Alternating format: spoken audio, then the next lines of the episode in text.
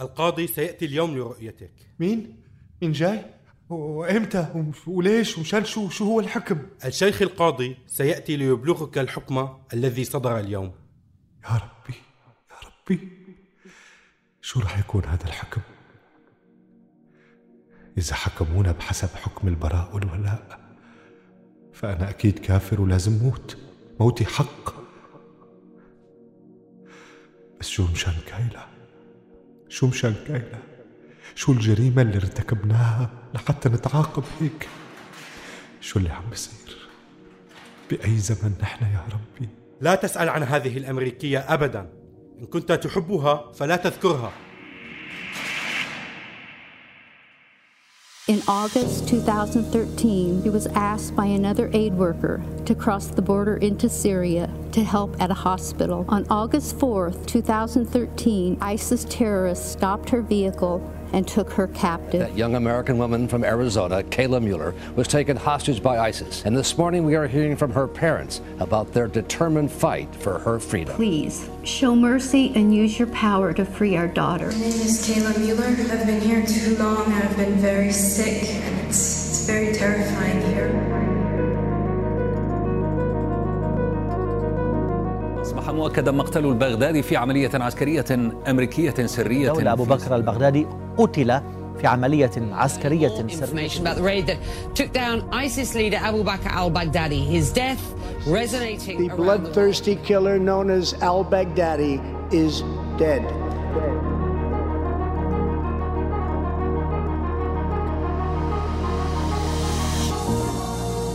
بودكاست عامل إغاثي آخر قصة اختطاف تنظيم الدولة الإسلامية في العراق والشام داعش للناشط السوري عمر الخاني وصديقته الأمريكية كيلا مولر وما الذي حصل؟ بعد أن طويت أسبوعي الخامس في هذا السجن ومع بداية السادس طلبني السجان دون سابق إنذار أمرني بأخذ أغراضي وهي حذائي فقط لا غير. تعلقت عيوني بعيون الشباب في هذه الغرفة. لا أعرف ما أخبرهم. ماذا أقول لهم؟ لا أعرف إلى أين يأخذني قدر السجان. إلى الإفراج أم إلى الإعدام؟ لا أحد يملك جوابا. تتطاير عباراتهم حولي كأنها ستار شفاف من الأمنيات. الله يسر طريقك توصل بالسلامه لاهلك ولم أجب بحرف واحد. تمنيت لهم من كل قلبي أن يخرج أبو محمد ويرقص في أعراس أحفاده. ونبو بكيكي يخرج ويعيد تشغيل معمل الكاتشب. المهم أن يخرجوا جميعا أحياء من هذا الجحيم وليفعلوا بعدها ما يحلو لهم. لم يطل انتظاري لمعرفة منتهى خروجي من الزنزانة طويلا. زجني السجان في منفردة صغيرة وأبلغني بالبقاء هادئا. قضيت ليلتي الأولى هناك وصباح اليوم التالي طلبني المحقق أبو حيدر. ماذا يريد مني بعد كل هذا الوقت؟ لماذا يريدني في غرفة التحقيق؟ هل سنعود إلى التعذيب من جديد؟ رأسي يفور بالأسئلة والتوقعات. يقف عند قدمي. أشعر بحرارة جسده القريب. ثم يأمرني بفتح يدي ليضع فيها حبة فاكهة. مسحت مساماتها تبدو تفاحة. لا أعرف لونها بالطبع. قربتها من أنفي لأتأكد من الرائحة. بالفعل تفاحة. وبقي لونها مجهولا. جزاك الله كل الخير يا شيخ. كل صحتين وهنا. عوافي عوافي عوافي. قل لي. أنت من وين من الشام؟ آه، أنا أنا من القابون شيخي. آه، الحي اللي كان مع الثورة من أول يوم. طلعنا مظاهرات واعتقل عدد كبير من شبابنا بس لسه مصرين على طريق الحرية. حتى حتى أنا اعتقلت عند النظام. من وين بالضبط من القاضي يعني آه، جريب من مقسم الهاتف؟ آه إيه بيتنا قريب من مركز الهاتف. آه تعرف المنطقة شيخي؟ هذه العلاقة التفاحية والجغرافية أثارت فضولي ومخاوفي بآن إلا أنها أيضا أعطت أبو حيدر بعض الطمأنينة فأخبرني بقصة اعتقاله في سجن سيدناي العسكري يوم كان بعمر السادسة عشر بقيت هناك أربع سنوات ثم خرجت بعفو العام 2012 كدنا نقتل في ذاك السجن. انقطع حديثه فجأة مع شعوري بدخول أحد ما إلى الغرفة. عرفت من لهجته بأنه التونسي العامل كأمني مع التنظيم. شديد وصارم ويتدخل في كل شيء في هذا السجن. وبالذات التحقيق. كل السجناء يعرفونه. فغالبا كان سببا في زيادة تعذيبهم خلال التحقيق معهم. ضربني بيده أكثر من مرة. ولم أعلم بأنه سيكون جزءا من حكايتي التي ستطول مع هذا التنظيم. نقر أبو عبيده التونسي على كتفي بقسوة ثم بادر المحقق أبو حيدر بالسؤال عن سبب وجودي هنا. ارتبك الأخير وهو يحاول إبلاغه بأن موعدي قد حان. قبل أن أفهم أي موعد هذا أو ما الذي يجري صرخ التونسي بعنف يطلب السجان. أمره بنقلي إلى غرفة أطلق عليها الانتظار. لم يتأخر السجان. جرني بخشونة غير اعتيادية من كتفي. إلا أن أذني حاولت البقاء في غرفة التحقيق التي غرقت بجدل حاد بين المحقق السوري والأمني التونسي. جدل عربي فصيح. استحال إلى صراخ ينذر بمعركة قريبة. فأبو عبيده التونسي متنفذ بطريقة وحشية وسط عناصر التنظيم في هذا المكان. عبر جلسات تحقيق الطويله ومقاطعة تفاصيلها مع تحقيقات بقية المخطوفين الذين قابلتهم هنا. فهمت أن هذا التونسي هو الآمر الناهي.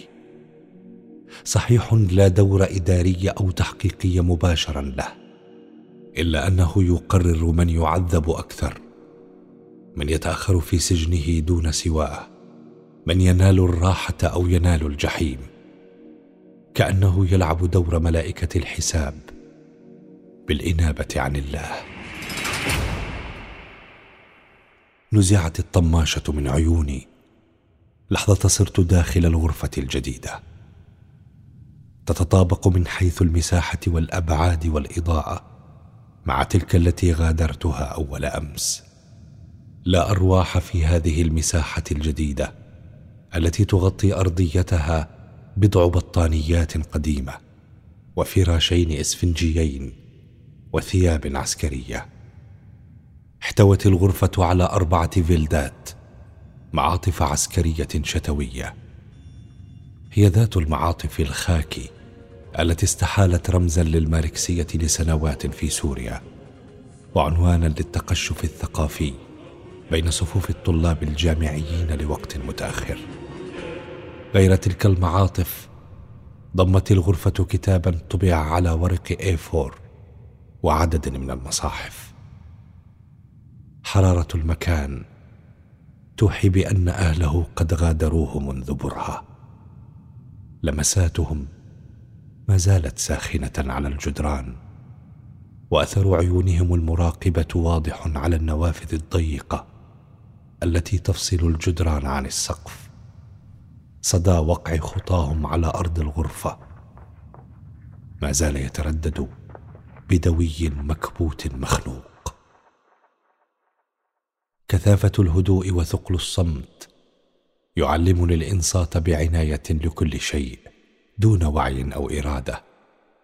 وقع خطوات زملائي في الغرفة السابقة يخرجون إلى الحمامات بت قادرا على عد الخطوات وتقدير أعدادهم وحتى الشعور بهم إن كانوا خائفين أو مرتاحين. السجن يعطيك حواس إضافية تفتح لك الأبواب على عوالم ولغات غريبة. لغة السجن لا تقتصر على الكلمات. الهمهمة المكبوتة تعني الترقب. النحنحة الجريئة تعني الفرح. محاولة السعال ترسم إشارة لقول شيء ذي أهمية. كل حركة وكل همسة لها وزنها وقيمتها ومعناها. جر الأرجل فوق الأرض المرصوفه ببلاط رخيص وسط الممر. لا تعني التعب اطلاقا إنما هي رسالة لبقية النزلاء. بأننا سبعة رجال لا أكثر. يزامن الدماغ الأصوات مع الصور المتوقعة. يعيد رسمهم بكل تفصيلاتهم ثيابهم المتسخة وجوههم الصامتة طماشاتهم التي تبعد النور عن عيونهم شعرهم الأشعث وأيديهم التي تمسك بأكتاف بعضهم بعضا. رغم الوحدة لا تتغير قوانين وعادات السجن. دق السجان الباب معلنا وقت الحمام. فخرجت إليه وحيدا. ثم جلب لي طعام الغداء بذات الطريقة القديمة. تركت الطعام على غير عادتي. وهاجمت المصحف والأوراق بحثا عن نافذة ما إلى الخارج. الكتاب المطبوع يحمل عنوان البراء والولاء في الإسلام. ممهور تحت العنوان بعبارة منشورات الدولة الإسلامية في العراق والشام. صار التنظيم دولة لديها وزارة تعليم ودعوة وربما لديها وزير خارجية ودبلوماسيون. ثم ستطلق سفراءها إلى عواصم الدنيا معلنة فتحها المبين. قلبت الكتاب الذي لم يثر اهتمامي ابدا لكنه الورق الوحيد في هذه الغرفة الباهتة. باشرت بقراءة العناوين. أخوك المسلم تحريم الديمقراطية مصادر التشريع الإسلامية. ابتلعت بعض الهواء الساخن مع أول جملة شرح فيها الكاتب. بأن المسلم أخو المسلم دون سواه وإن كان على حساب أخيه الذي من دمه ولحمه. لم أفهم المقصد فأعدت تفكيك العبارة مرة ثم مرتين فثلاثة إلا أنها بقيت مستعصية على الإدراك. يبدو أن الكتاب موجه للمسلمين المحدثين أي من ينتقلون إلى الإسلام تاركين المسيحية أو اليهودية فتتوجب عليهم المفاضلة بين إخوتهم بالدم وإخوتهم بالدين الجديد.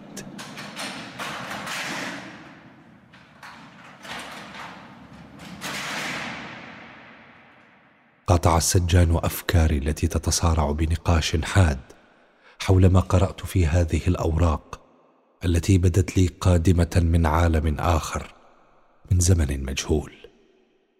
فتح السجان الباب بعد قرعه. رمى على مسامعي عبارة القاضي سيأتي اليوم لرؤيتك. ورحل مع الانتظار يستطيل الزمن تستحيل الثواني ساعات مريرة عقاربها تطوي لحم الأمل. ربما يكون الحكم بالبراءة. ولكن ما الفائدة من البروتوكول القضائي؟ لماذا لا يتركوني أرحل رفقة كايلا وكفى غابت الشمس بعد دهر من الانتظار والترقب. دق السجان الباب بعد المغيب بقليل ليبلغني أن القاضي سيأتي بعد صلاة المغرب. أخرجني بعدها للوضوء. وعند عودتي حافظت على وضعية الصلاة بانتظار القاضي. الشكل يوهم أحيانا. ربما إن وقعت عينه علي وأنا أصلي بخشوع يرحمني في حكمه. القبلة تجاه مكة موازية لباب الغرفة الذي استقر عن يميني وأنا أصلي باستكانة. سمعت رفاقي في الغرفة السابقة ذات مرة يقولون في الخنادق لا يوجد ملاحدة. بالفعل دمعت عيوني وأنا أصلي. ربما إيمانا أو ربما خوفا لا فرق. إلا أن التعب من الجلوس على الأرض مباشرة بوضعية ما بعد السجود وقدماي محشورتان تحت ثقل جسدي. دفعني للجلوس على طريقة اليوغا شابكا قدمي أمامي. ثم تعبت أيضا. فتمددت. سمعت وقع خطوات السجان وآخرين. فعدت لوضعية الجلوس الأخيرة في الصلاة. وأخذت بالدعاء كأني انتهيت من الصلاة توا. عندما فتح الباب تابعت الدعاء فأخذوا يتداولون فيما بينهم إن كان يحق لهم قطع صلاتي أم ينتظرون. عندما انتهيت من الدعاء حاولت النظر يمينا لأرى وجوههم إلا أن القاضي أمرني بالحفاظ على وضعيتي.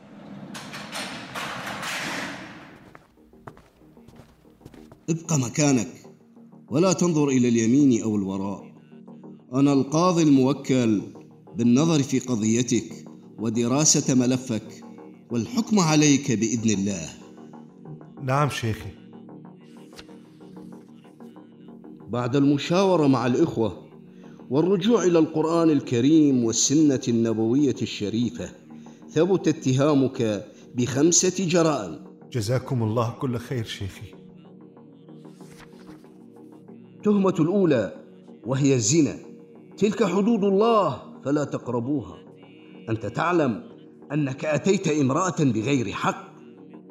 وخلافا لما شرعه لنا الله كما وثبت الزنا باعترافك ما يلزم عليك الحد لغير المحصن غير المتزوج وهو مئة جلدة يشهدها طائفة من المسلمين. ولكن قال الله تعالى ولا تقربوا الزنا إنه كان فاحشة وساء سبيلا. صدق الله العظيم.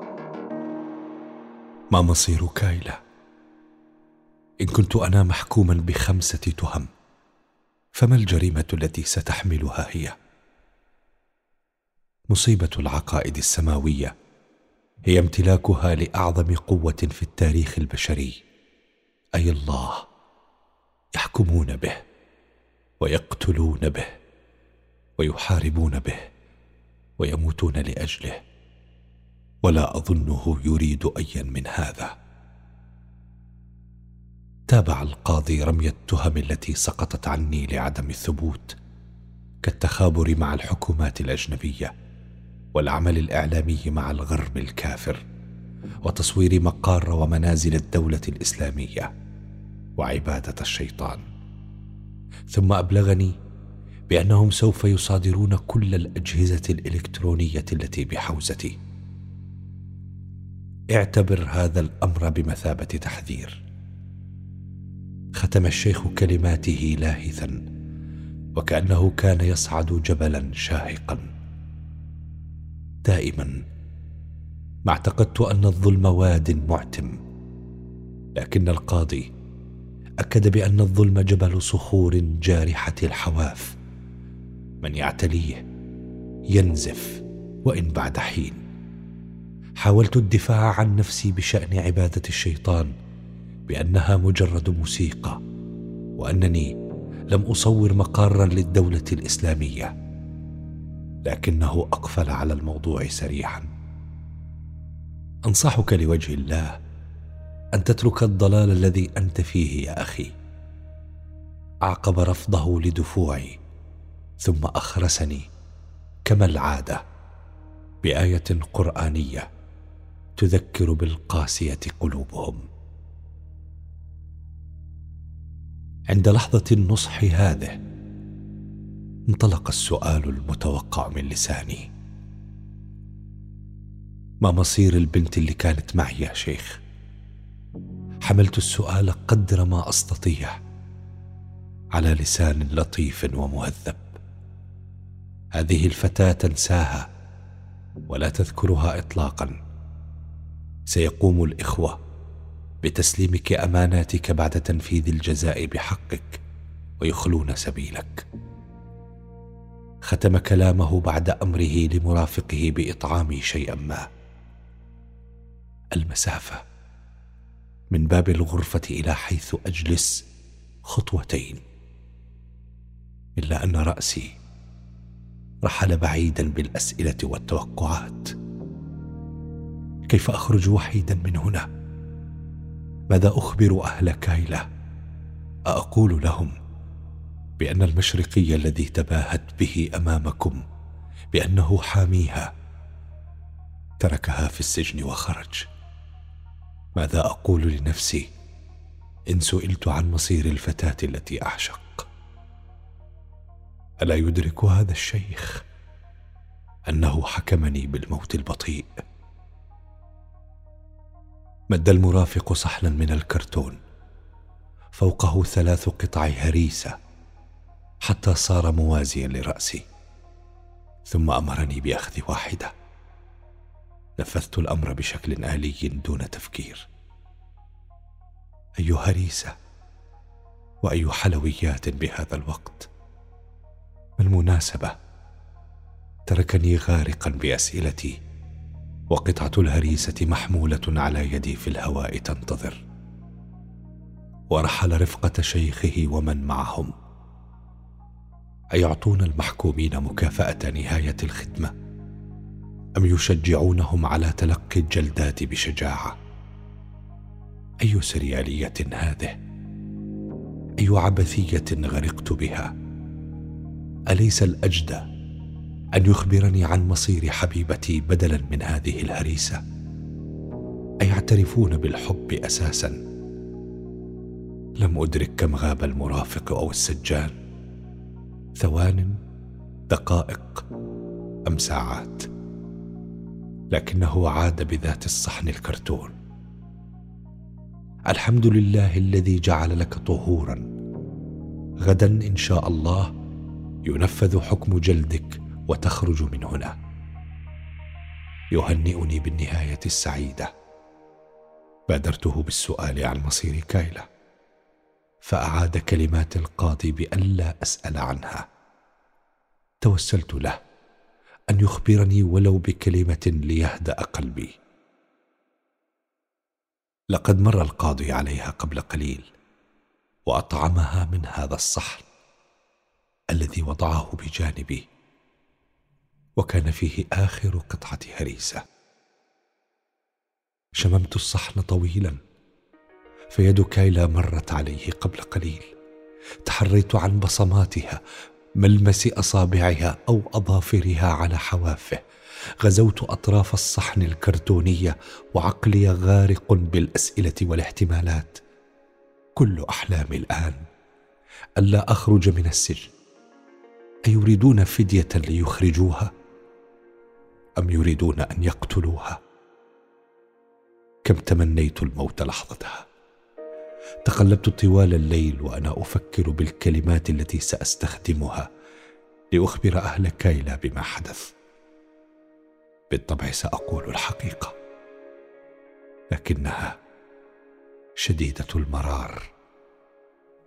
لماذا لم تمنعها؟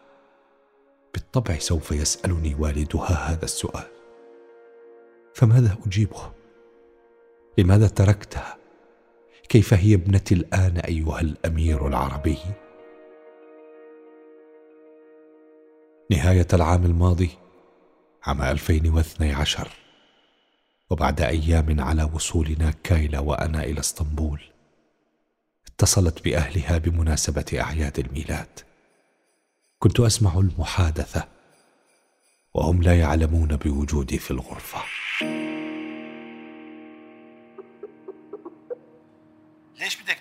من سوريا؟ فيها حروب وكوارث. شو يلي جابرك تبقي بتركيا؟ أنا بعيدة عن حدود سوريا أكثر من 1500 كيلومتر. والحرب بسوريا مو بتركيا بابا. مع هيك. أنا بخاف عليكي ومالي مطمن لهالوضع. هي الحرب مو حربك ولا واجبك تكوني فيها. أبي لا تخاف. عمر معي وبيحميني كتير منيح. ما رح يصير علي شي وهو جنبي. أنا مضطرة أروح حاليا. بحبكن. bye bye. حبيبي أهلي ما طلعوا برا الولاية بحياتهم. ما بيعرفوا شو سوريا وين هي ومين هن السوريين. كل اللي بيعرفوه بيشوفوه عن طريق نشرات أخبار فوكس نيوز. المهم عندهم إنه ما يطلع اسمي على نشرة أخبار بهالقناة وجنبه عبارة مختطفة. هذا المهم والباقي تفاصيل تافهة. لا تخافي طالما أنا معك ما رح يصير هذا الشيء أبدا. مو أنا أميرك العربي؟ Yes. You are my Arabic prince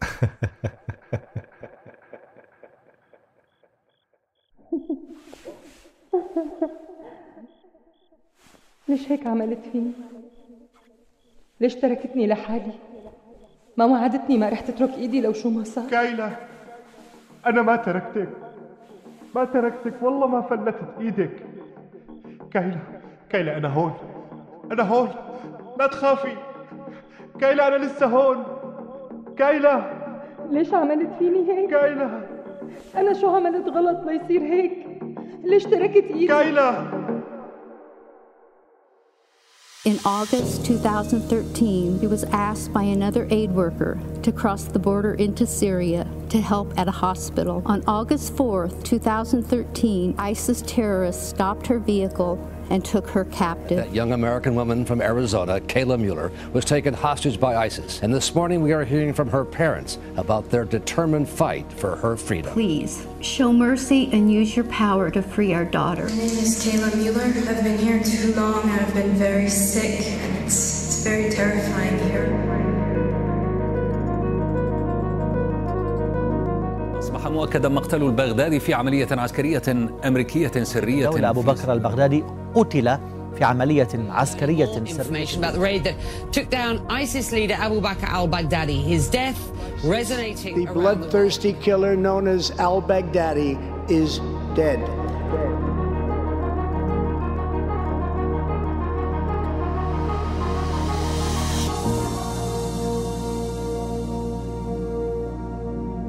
أنتج هذا العمل الفني بدعم وتمويل من مؤسسة هاينريش بول.